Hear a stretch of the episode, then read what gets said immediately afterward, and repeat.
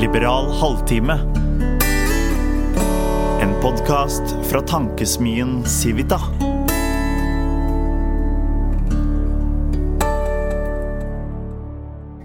Vyrdende godtfolk, god sommer og hjertelig velkommen til Liberal halvtime.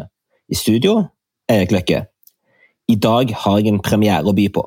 En ny podkastserie som jeg har laga for Civita. Og som vi har titulert Valg 2021 ni samtaler om partiprogrammene. I denne podkastserien snakker jeg med alle partiene på Stortinget i ca. 30 minutter. Om partiprogrammet og politikken.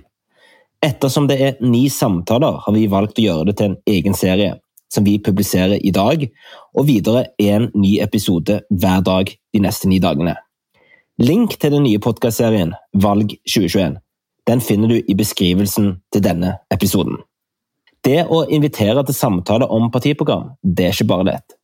Faktisk har jeg alltid irritert meg litt over måten partiprogrammene er bygd opp på, i den forstand at de er lange, uttrykker mye det samme og er en slags liste over ønsker om å bruke skattebetalernes penger på.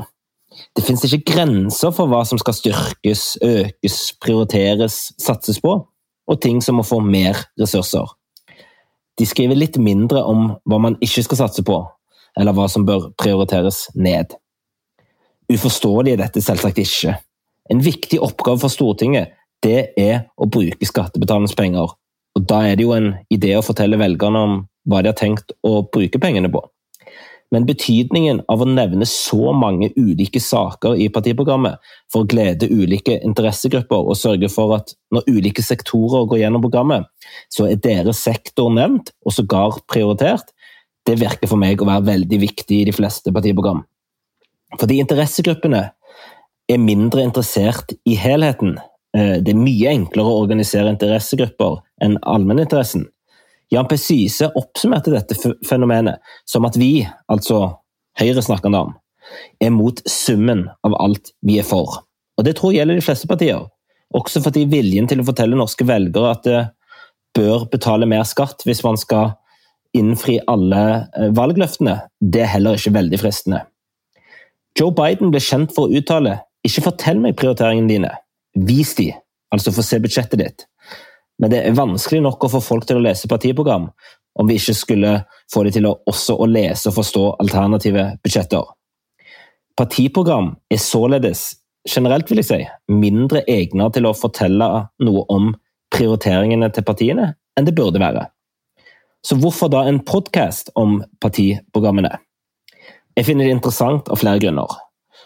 For de av oss som er interessert i politikk og valg, så er det åpenbart at partiprogram er interessant. Og Da er spørsmålet mindre hvorfor en podkast, som spørsmålet hvordan man kan lage en interessant diskusjon om partiene og politikken.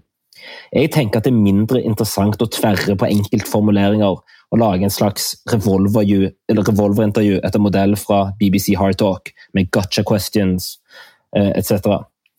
Det formatet har også sin plass. Altså, Jeg elsker BBC Hard Talk, og noen av de beste norske utspørringene av partiprogram er underholdende og av og til også klargjørende. Men det er ikke slik jeg tenker at det blir mest interessant. Snarere tenker jeg å bruke formuleringer i partiprogrammet til å diskutere partienes politikk. Mange partier vil ha tillitsreform. Hva betyr det? Flere partier vil satse på barnehage. Fint, det. Men hvorfor kan ikke vi som borgere betale mer av utgiftene selv? Ved å bruke partiprogrammene som utgangspunkt for å diskutere partiene og politikken, så tenker jeg at eh, dere som lyttere, og velgere, lettere kan få en forståelse av hvilken tankegang og tilnærming som ligger bak enkeltformuleringer i partiprogrammene. Så er spørsmålet hvor kritisk man skal være. Noen ganger er det veldig fristende å protestere og insistere kraftig på hvorfor og hvordan de tar feil, og ikke minst få det siste ordet, eller sågar vinne en debatt. Vinne da i hermetegn. Men igjen, jeg tror det er mindre interessant. Så jeg tenker at jeg formulerer mine spørsmål og argumenterer ut fra mitt liberale verdensbilde, og så lar jeg samtalepartneren få forklare sitt ståsted og partienes program. Og så vil jeg begrense såkalt pushback, som de, som de sier i USA, eh, når de er uenig i eh, momenter som tas opp. Så lar jeg heller dere som lyttere få bedømme troverdigheten i svarene. Jeg tror det blir bedre samtaler og mer informativt. Ja, rett og slett bedre podkast å gjøre det på den måten. I tillegg må man heller ikke glemme at på noen viktige områder, hvor valgene er tydelige, og, og ganske binære, kan partiprogram være veldig avklarende. F.eks. spørsmål om aktiv dødshjelp, abort, monarki, ja, nei til EU, Nato, og sågar spørsmål om å fjerne visse typer skatter. Vi kommer selvsagt innom flere av disse spørsmålene i podkastserien. Hvis du har muligheten til å hjelpe meg å nå flere lyttere, så må du gjerne gi oss rating og kommentar på iTunes sin plattform. Og har du muligheten til å dele podkasten på sosiale medier, så er det selvsagt veldig eh, velkomment. Det er gøy med ny podkastserie, og jeg håper at du blir med meg på mine samtaler om stortingsprogrammene. Og Linken til den nye podkastserien den finner du i beskrivelsen under denne episoden. Fortsatt god sommer! Liberal halvtime.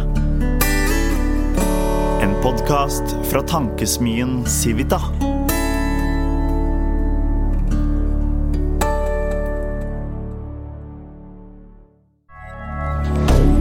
Moderne media.